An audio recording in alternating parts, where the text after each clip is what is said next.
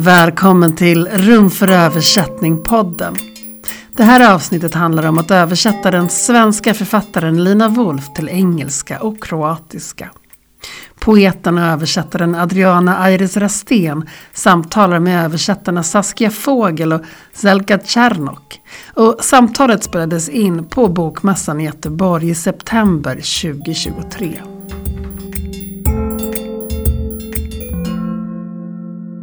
Jag tänkte att eh, ni kan börja med kanske att presentera er lite mer och kanske om ni vill säga någonting eh, bara till en början om eh, er översättning. Sätta det lite i kontext.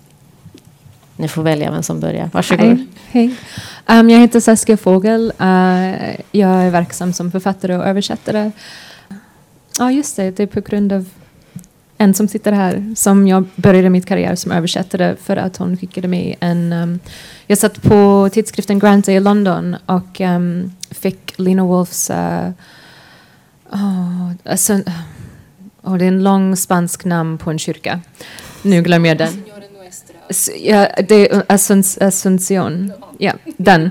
Um, och jag tyckte, nej men den är så bra. Och jag hade en sån, jag fick liksom fnatt att jag tänkte min svenska är rätt så dålig. Jag har inte bott i Sverige på länge. Jag lärde mig svenska under gymnasiet. Um, jag är svensk men uh, för det mesta har jag, är jag uppvuxen i USA och min, mitt andra första språk var tyska. Mm.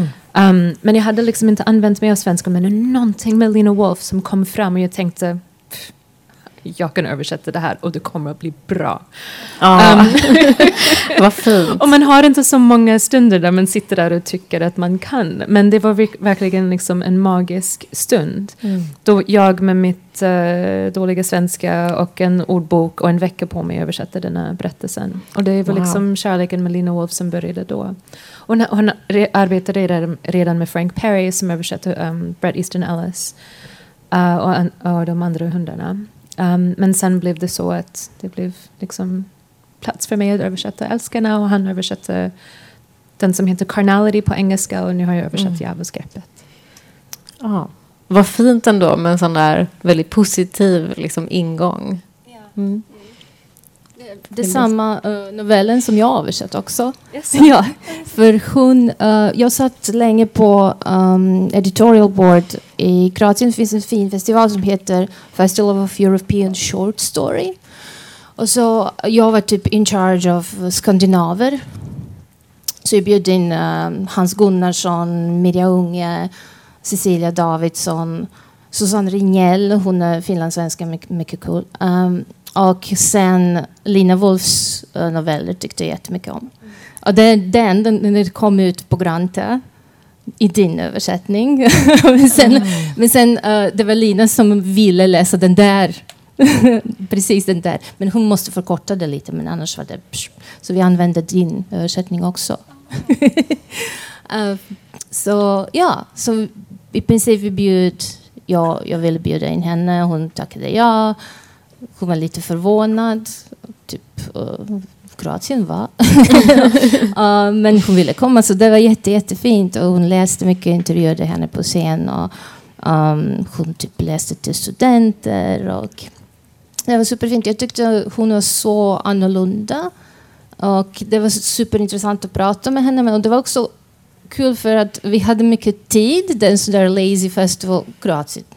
Uh, så, så vi bara promenerade runt och pratade om livet och litteratur och översättning. För hon är också översättare, hon översätter från spanska. Um, och så det var, det var så skoj. Um, och, det, ja, och den efter, och hon sa till mig att hon skrev ett bo, en bok som är lite konstig. Hon vet inte om svenskarna ska tycka om den. Och jag sa ja, naturligtvis ska de. Uh, och så skickade boken till mig, den, den.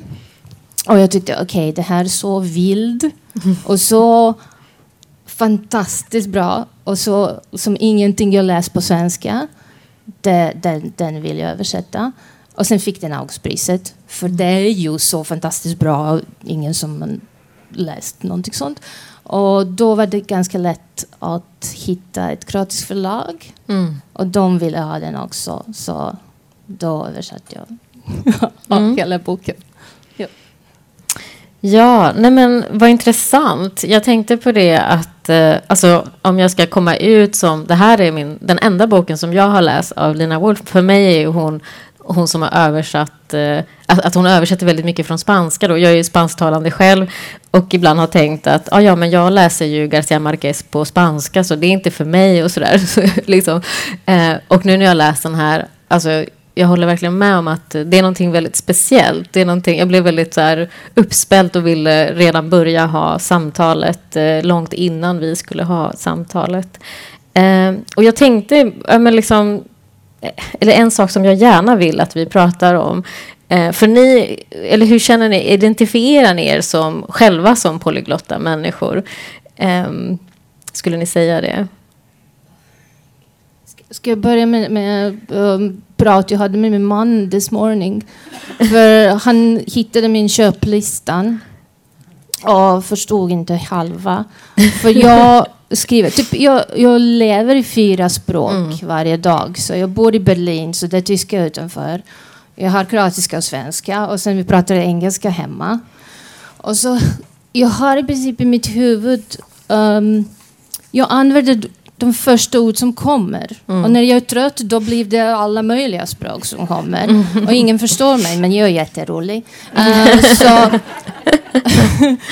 så jag, jag är lite trött nu. sorry. Så första ordet som kommer för trött, det bästa ordet, müde på tyska, för müde. Så mm. det passar bra. Så han hittade min köplista och min köplista ser ut precis så här. Haferflocken, diskmedel, cykla. Så han visste, han visste haferflocken och diskmedel. Jag vet inte varför jag gillar diskmedel. Diska, det är så bra på svenska. Jag älskar de orden. Jag alltid använder diska och diskmedel. Så, ja, mm. så jag har såna. Jag vet inte. Jag vet inte, jag är lite paranoid och kanske jag blir galen snart. Men uh, jag, jag, vet inte. Jo. Ja. så ja, jag tror att jag är polyglot. jo, men jag skulle säga det. Vad säger du? Alltså, du har ju redan berättat lite om... Jo, men jag, vet, jag tror inte jag funderar så mycket Nej. kring det. För det har också varit liksom hela mitt liv. Det väl liksom självklart att um, folk inte talar bara en språk. För min, min mors uh, modersmål är uh, tyska men hon talar också holländska och svenska. Mm, mm. Och um, jag är uppvuxen med mexikansk styvmamma också. Mm. Och jag vet inte, det var bara liksom självklart. Men det var också självklart att det inte var alla. För jag är ju uppvuxen i USA där att vara flerspråkig är inte... Jag vet inte. Ja, nej, men precis. Där, där, ja, det finns en del av befolkningen som tycker det är otroligt svårt att även föreställa sig liksom, uttala ett namn som inte ser anglosaxisk ut. Och, mm. um, så jag visste att det var alltid någonting annorlunda. Men um, jag vet inte, jag, jag, tror... Men det är så, käns det är så bunden med, med känslorna. Jag, jag känner att jag kunde bli översättare för att jag hade så många tonårs upplevelser här i Sverige. Men mm. just med tyskan känns det fortfarande lite som ett språk som um, är ett språk som jag som barn talar med, med min mor och en, en sträng uh, mormor. Mm, mm. så jag har, jag vet inte, jag tror jag, jag känner att mina olika språk jag är, är um, isärhållna på något sätt. Mm. Jag, känner mig, jag tror jag känner mig mest bekvämt um, när jag talar svenska och nu otroligt dåligt spanska. Mm. Um, för att jag inte, jag bor också i Berlin. Mm. Jag visste inte det att jag bor där. vi borde träffas. Ja. Nej, för... absolut känns om jag får säga. Ja, absolut. Där jag, jag bodde mycket, hela mitt liv med min farmor. Och min farmor är från Rumänien, men tyska från Rumänien. Herta Müller. Okej. Okay. Så um, och hon uh, flyttade runt mycket och också kunde prata många språk. Och sen uh, gifte hon sig i dåtida Jugoslavien. Och så de flyttade runt också mycket. Och då lärde hon sig kroatiska, eller vad som helst, serbokroatiska. Uh, hon lärde sig typ dialekt från olika ställen var hon var. Mm. Och där man lär sig ett ord för stol mm. och då är det stol för alltid. Men det är ju stol bara i den där delen av, du vet du. Så, och sen också hon lärde sig, uh, hon pratade mycket tyska naturligtvis, så hon hade lite grann sån där Uh, hon kan inte ordet så ska hon ta tysk ord och typ göra det så det låter kroatiskt. Och mm. har ni läst Kemiris Montecor?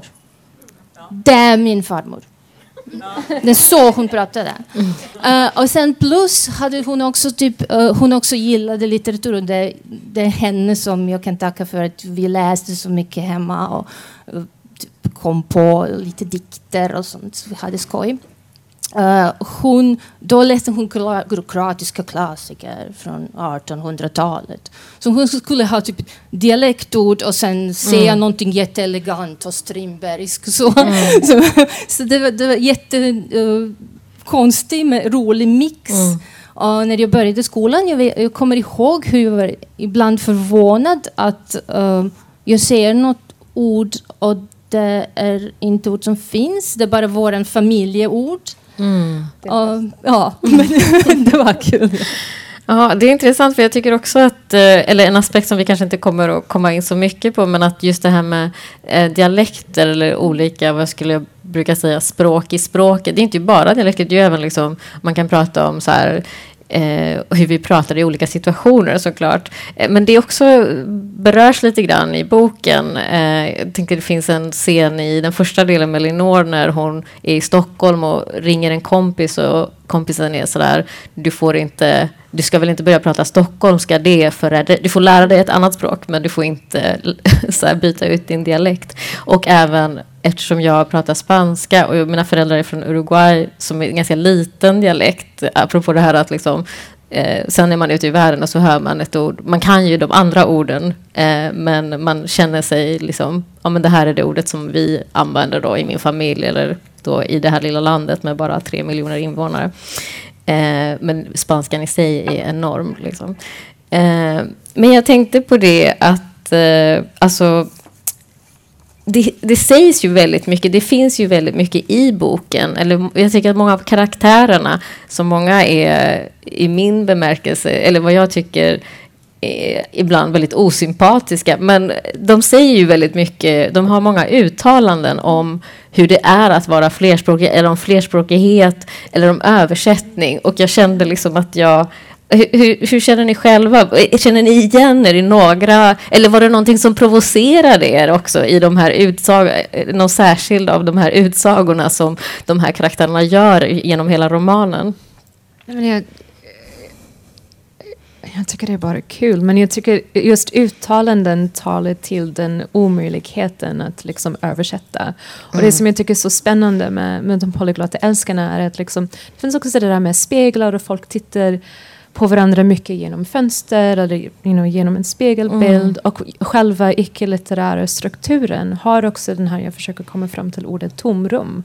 Mm. Um, som existerar mellan liksom, jag och det som jag försöker förmedla till dig och som du missförstår för att liksom, du har en annan kontext mm. eller andra språk. Och, liksom, rent estetiskt kommer det fram med typ, när hon pratar om, det finns liksom i, i Max-delen så finns det liksom den här om, om vemodet i en svensk midsommarnattskväll mm. eller någonting som hon då har i texten översatt på flera språk. Och jag minns att det var spännande att lämna svenskan där inne.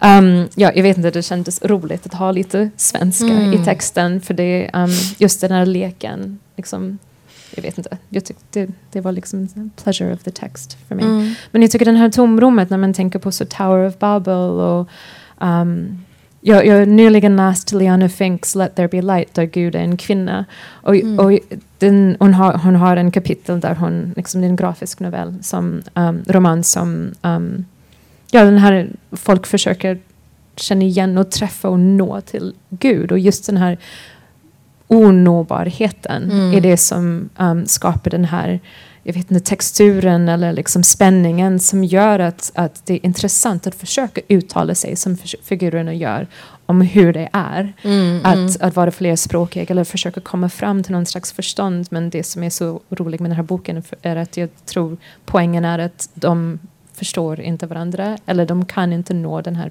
Det finns mm. ingen som Max drömmer om, polyglotta kvinna. Det finns ingen. Nej. You know. Det är en ganska, liksom, det är som en ideal som är helt omöjligt. Mm. Det är inte roligt med helt symbios. Det är bara, jag tror det intimitet och innerlighet finns bara om man har gräns mm. eller liksom om man har liksom en känsla av det här är min yta och det här är din yta. Mm. Så det är inte bara, liksom spänningen är också att man inte kan och det är inte en negativ grej, det är egentligen väldigt spännande. Det känns som att han hänger upp sig väldigt mycket på de faktiska språken kanske. Liksom. Ehm, och inte så mycket på de andra verktygen som vi använder för att kommunicera. Alltså liksom att han, han kan ju spanska, italienska, svenska. Alltså att han är liksom, jag vill träffa någon som kan de här språken. Men jag vet inte, jag bara så här, för att vara lite cheesy, liksom, ja, men kärlekens, kärlekens språk eller något annat språk som är liksom det kroppsliga eller en erfarenhet ibland som kan ena en med en annan person. Mm. Då är det bara liv för honom, för han kan inte han kan ju inte älska någon. Och då har du sådana där ideal. Ja, om jag bara hittar en kvinna som kan 23 språk, då ska vi förstå varandra. Men det är också någonting så, så sorgligt när, man läser, när jag läste den, mm. den meningen. För det är typ, vi alla vill nå till varandra och vi vill alla att... Det var typ som metafor för... Um, vi, val, vi vill ju att någon förstår oss och, och vi älskar oss som vi är i alla facetter, på alla nivåer eller mm. som helst. Och han vill det kanske, men han vet att han inte kan. Mm. Så han är mm. bara sådär bastard som... Det, det, är ju kvinnornas fel. Kolla på henne. Kolla hennes ben. Hon mm. sekreterare eller... Ja. Mm ja, men precis. Har du, någon, har du någon annan som du känner dig mer eh, eller som du känner dig igen i någon annat uttalande. Jag menar Max är en väldigt, han pratar ju mycket om det här men eh, de andra också. Eh, det kommer upp lite här och där med de olika karaktärerna. Um, jag, jag undrade om detta. Eh, vi pratade om någonting igår. Vi hade så fin um, seminarium om um, att belong. Vet du? Och så om det kanske det kanske lättare... Jag vet inte. Det är alltid...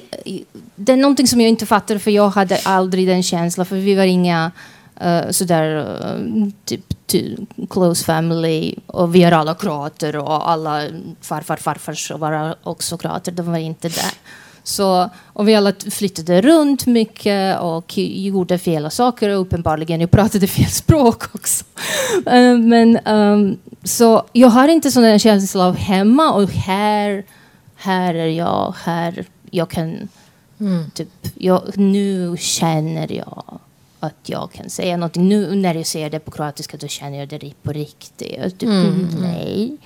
Jag kan på olika språk. Så vi pratade också lite, lite som om hur man drömmer. Mm. Är det, drömmer man alltid på sitt modersmål? Um, ja, så jag vet inte.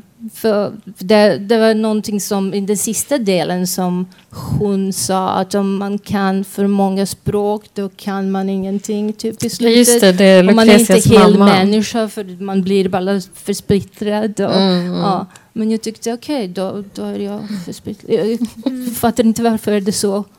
Är det inte okej? Okay? jag vet inte. Ja, precis. Det är Lucrezias mamma som säger något tillfälle för att eh, för de som kanske inte har koll att Lucrezia själv pratar ju flera språk och det har varit uppmuntrad av hennes mormor. Men mamman är sådär, om en språk trasar sönder och lär man sig för många språk slutar det med att man inte längre kan stava ens på sitt modersmål. Um, ville du säga något om det? Eller? Jag vet inte, jag tror det har inte bara med... Jag, jag, tror, jag tror det är just den här hur den skiljer sig mellan liksom, språk som en otrolig teknologi för kommunikation. Mm. Att vi talar språk och det är liksom kulturbärande men också det som jag tycker är så intressant med Eleanor är att det, hon, är, hon är inte motsatsen, det är inte som hon är inte en språkmänniska men hon är inte liksom this rarefied i min bubbel språkmänniska, mm. hon är också väldigt förkroppsligad och jag tror den här mm.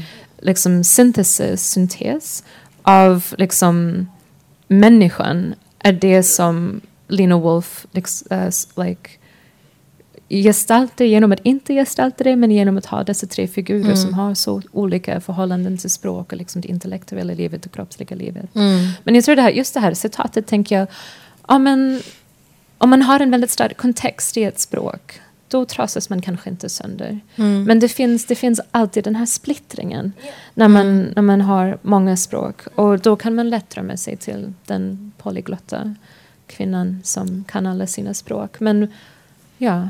Mm. Jag pratade mycket med Lina om detta när vi spankulerade runt. Uh, så det var, för hon bodde i Italien och i Spanien också. Uh, hur svårt det var inte för språk, för man blir förvånad för man börjar när man börjar fatta mentalitet. Mm. Och hur man kan förstå mycket också av mentaliteten från fraser som människor använder. Mm. Och så, för jag, så, jag hade en känsla att för hon sa där i boken så säger hon att typ uh, romanska språk är lite sådär perversa och lite spännande. Och på mig inte alls träffad. Ja, på svenska kan man inte, kan man inte Uh, så uh, så det, det var ju, jo, för jag, för jag, tyckte, jag sa till henne att det är därför din bok är kanske så annorlunda från andra svenska böcker. För det, det är ju så merciless. För den för första kvinnan typ I want a man but not a too soft one. You know? Mm. Den sista kvinnan är typ you're ugly men uh, jag hade alltid pengar så det är bra. så det är alltid så punch in the gut kind mm. of. Du vet, det är kanske det som också Lina sa att eh, spanskar har något uttryck, så någon kan spanska. Fernanda, du kan spanska. Um, Får se om jag kan uttrycka bara. typ uh, uh, to, to enemy you don't even give water. Mm. någonting sånt. Så the merciless. Och det är så kanske man pratar och det är så, jag tyckte det är så Lina skriver. Yeah. Mm. För det är ju rakt på sak och nej. Mm. Det bara Men jag tänkte, alltså för mig var det också, apropå det här med att, äh, liksom splittringen eller trasa sönder eller någonting.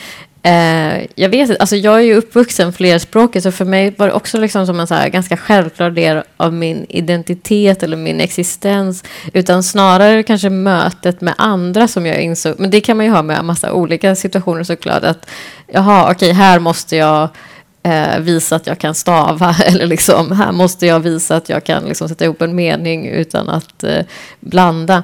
Eh, så att jag kan ändå liksom på något sätt relatera lite grann till den här friheten. Att, men också kanske inte bara vara med människor som pratar exakt mina språk. Alltså som är typ mina syskon. Och med, eller liksom, det är också sådär Eh, alltså som Max drömmer om, det känner jag att jag har haft i mitt hem liksom, med min familj.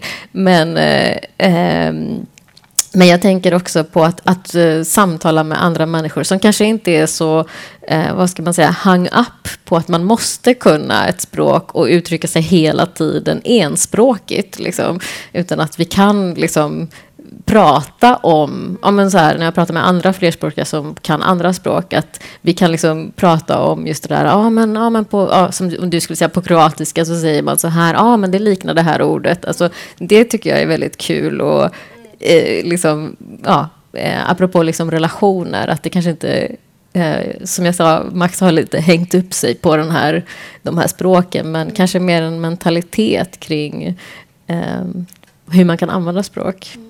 Mm. Ja. Jag funderar på hur det uttrycker sig i din poesi.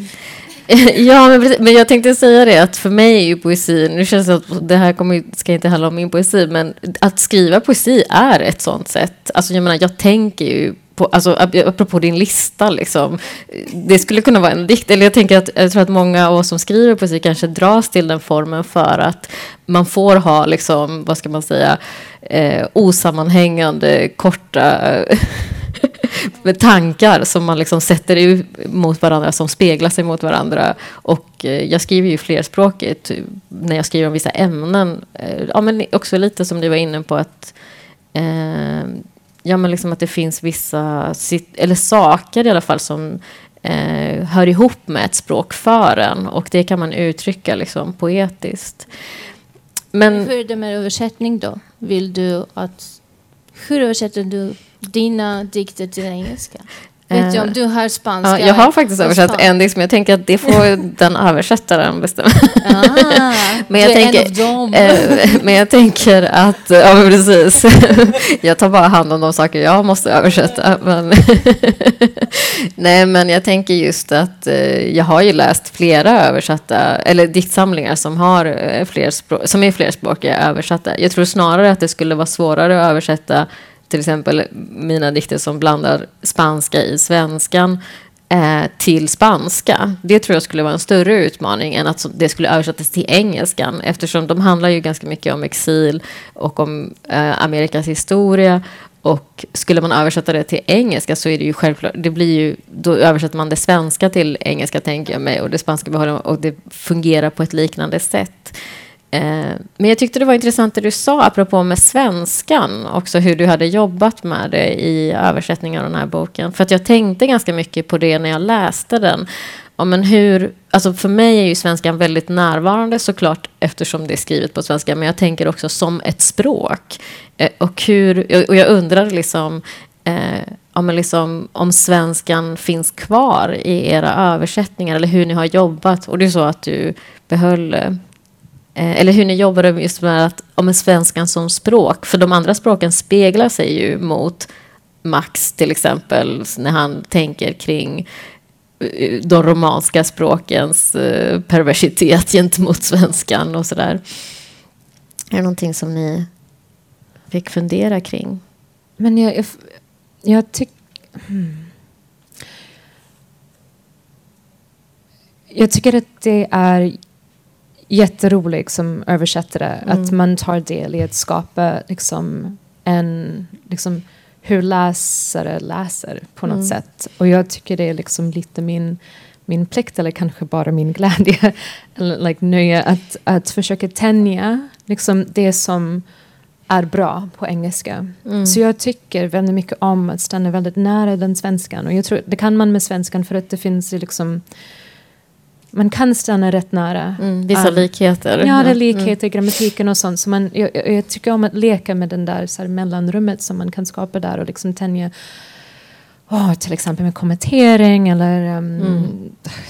anglosfären hatar rep repetition unless it's like definitely avsiktlig. You know, and, and, på svenskan märker jag liksom man kan repetera ord utan att liksom det neonfärgad, mm. men det blir liksom neonfärgad på engelska på något sätt. Och så med Lena är jätteintressant för hon är så eget. Liksom det, det känns, jag tror det som drog mig till hennes författarskap, eller då jag läste novellen, var just att det kändes inte så svensk. Och jag tror mm. det var liksom, det kändes exciting på något sätt att, att arbeta med den här rösten som ändå har många kännetecken av liksom samtidssvensk prosa, fast mm. är också totalt sitt eget grej. Um, men jag, eh, jag, jag, tycker, för jag tycker det är jätteintressant att försöka se hur det ser ut att läsa en svensk bok och om svenskan, känslan av svenskan kan komma fram. Mm. Det vill jag på, något, på sätt och vis bevara. Och ibland sitter jag där och tänker, typ med Eleanors kapitel um, mm. och mina val med hennes röst och Max röst och rytmen och Luc mm. Lucrezias rytmen. Men Lucrezia till exempel tittade på hur många YouTube-videos som helst med liksom um, I don't know, like I don't know, like elegant Italian speaking English. Mm, mm. Um, för att jag ville ha liksom en italiensk rytmen på engelska. För att mm. liksom lyfta fram det här, jag vet inte, och jag valde mer romanska ord istället för, anyway, mm, whatever. Um, så det är lite annorlunda, men just med Eleanor tänker jag ibland, oh, jag kunde ha översatt det här helt annorlunda. Borde jag ha liksom gått mycket längre ifrån det som Lina hade gjort för att liksom göra, jag vet inte, att gestalta Eleanor på ett annat sätt. Mm. Och det är frågan som liksom blev aldrig klar. Och så nu finns den. Och jag tänker på det varje gång jag läser på Eleanor. Mm. Jag vet inte om det betyder att jag har gjort fel. Det är Eller, någonting som har upptagit ditt huvud i alla fall, ditt jag arbete. Jag tänker på det hela tiden. vad intressant. Som kontrast, om jag får avsluta bara Ja, lite. absolut. Johanna Lyckeholms Strega det var nästan en en för en översättning i början. För den var så, så stram och enkel och rak på sätt och vis. Men sen blev redigeringen crazy. Det var verkligen liksom en mm. otroligt hårt redigeringsarbete för att behålla just det där väldigt raka, strama texten mm. som har en väldigt, you know, och en väldigt icke-anglo friendly. Liksom. Mm, mm. Um, men vi, jag arbetade med två redaktörer som, som jag sa det, så det, det är liksom udda på svenska på, på sätt och vis. Det är liksom inte en väldigt eget prosa stil. Um, men, men jag vill också bevara den och ta fram den mm. på engelskan. Och jag tror det blir väldigt lyckad. Så när jag tänker på svenska texter på engelska, jag tror kanske Johanna Lyckoholmstrega för mig är den som är den mest uh, den, den läsupplevelsen som liknar mest att läsa sven den svenska texten. Mm, mm. När man tänker på så här, normer och i editing och så vidare. Jag vet inte. Mm. Um, förlåt, nu har jag pratat. Ja, nej, det är jättefint. Vi pratar, vi har, lite, vi har tid. Vad tänkte du ja, på? Så kring? jag gjorde, okej, okay, så Max, han har som meningar på italienska och franska. Men ibland uh, Lina översätter dem efteråt. Så Precis, den är då, väldigt då, då är det enkelt. Men annars har, ville jag, typ jag insisterade att de blir lämnade på franska och italienska och när de är inte översatta då blir de bara lämnade. Mm. För det är ju han, han är så pretentiös som du inte förstår, ingen förstår. Mm. Han, det är bara han. um, och eh, med Elinor kanske jag gjorde precis vad du sa. Jag tror att jag kanske flyttade hennes språk lite mer till colloquial och lite mer mm. um, byn. Eller någonting, för hon är från någon by, de har ett fight club, they're kicking the shit out of each other. Hon kan inte prata fint. Och det problemet med, med kroatiska att um, eller med bara dumma editors, jag vet inte. Uh, att de, uh, det är mycket... de, vill, de vill att det blir ren kroatiska. Mm. Man kan inte prata sådär hög, fin kroatiska hela tiden och det passade absolut inte med Elinor. Nej men precis. Hon då, en... då skulle någon läsa den och tänka jo, hon pratar så. Det typ, man kan inte ha akademiskt språk i Fight Club basement where they kick the shit out of each other. Så, så det behöver ju vara lite... Mm. Ja, så jag, jag gjorde precis detta. Jag typ gjorde att hon pratar mycket så colloquial normal language. Mm. Uh, och hennes kille han, han pratade ännu mer. Så jag hade såna där um, apostrofer, för han typ sväljer ord och sånt. Så jag gjorde ännu mer mm. bin. Du, du tänker på hennes uh, pojkvän Johnny? Ja, jo, jo. Ja. ja. Eller jag tänkte om det inte var han eh, senare. Nej, nej, nej. Den, ah, den nej, första, precis. den fighter. precis. Ja. ja, men liksom mer vardagsspråk. Men, ja, precis, alltså språket i språken. Jag tänker att det, det är verkligen någonting som eh, den där första delen eh, ändå berör. Eller liksom det är mycket... Mm. Eh, ja, det är inte, liksom, det är inte franska, italienska, ja. men det är flera språk. Jag tror att det problemet på kroatiska är att man uh, i kroatiska romaner som är skrivna på kroatiska, man använder mycket dialekt, mycket språk, vardagligt språk. Mm. Och det är, vi är alla vana med detta. Det är typ normalt, det skulle vara så. Och på i översatta böcker vill de att allt är mycket hög, fint, kroatiska. Och det, mm, det mm. funkar ju inte. Då är alla översättningar lite sådär... Vet du, så mm. mycket... Nej, precis. Man vill ju fånga liksom karaktärernas... Jo, eh, ja, ja, så det är mm. typ fight jag har hela tiden med mm. alla.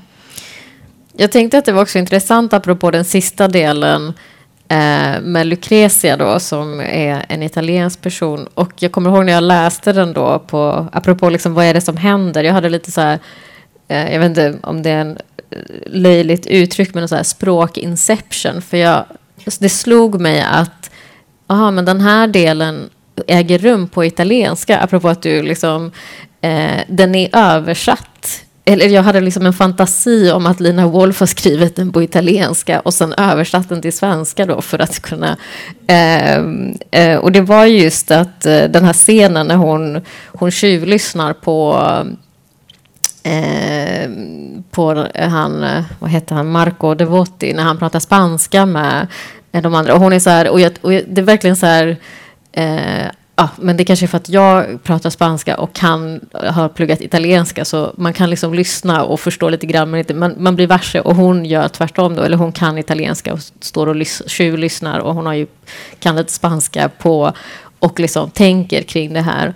Eh, och då fick jag verkligen en sån känsla av att liksom, ja men jaha, det här, alltså liksom den här delen av boken hade kunnat vara skriven på italienska och eh, eh, eller att det var en sån känsla som boken liksom hade hela tiden att eh, det finns andra språk liksom. Och eh, den är ju ganska snäll annars tycker jag för Eh, alltså den, den översätter ju sig själv och den förklarar sig själv hela tiden. Så att jag menar, vi blir inte lämnade ovetandes, apropå de här liksom, eh, det är inte som de polyglotta älskarna i boken, som, eller det vet vi inte för vi får ju aldrig läsa den eftersom den brinner upp, men alltså den romanen som är i romanen.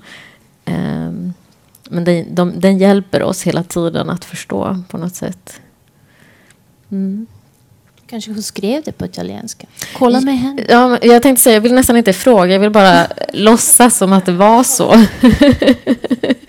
um, men jag tänkte just som... Din dröm om den polyglotta Ja, men precis. Att, uh, att uh, hon har suttit där, eftersom hon översätter, ja, men Lina Wolf, författaren, har skrivit den på italienska och Lina Wolf, översättaren, har översatt den till svenska så att vi kan läsa den.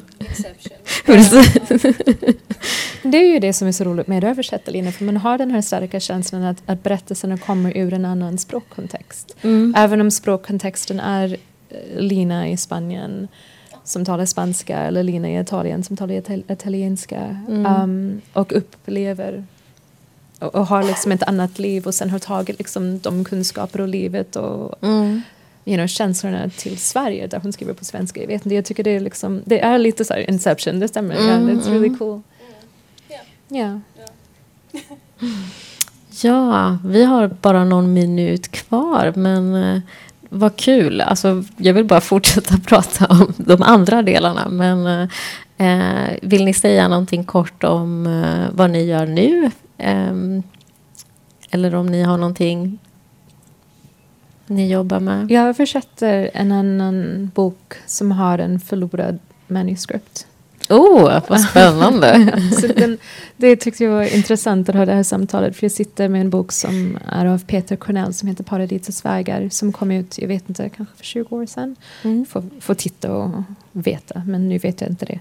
Mm. Um, och uh, det är fotnoter till en förlorad manuskript om paradiset. Mm. Så det är också att jag sitter och jag har, I'm like crazy with decisions. För jag tänker, okej, okay, när han citerar Proust, då borde jag använda existerande översättningar. Mm. Men um, ska jag enbart använda Moncrief eller ska jag använda mig av Lydia Davis? Liksom hur, Mm. You know, och vilken, vilken version av Bibeln ska jag använda mig av? Så det, det blir liksom ett galenskap i, i fotnoterna där. Um, yeah, som jag känner igen det här om man har för många språk så uh, förstörs man. Det känns lite så medan jag sitter med den här boken. Um, och jag vill också bara påpeka att Linnea Axelsson Linnea Axelssons Ednan kommer med knopp på engelska i januari.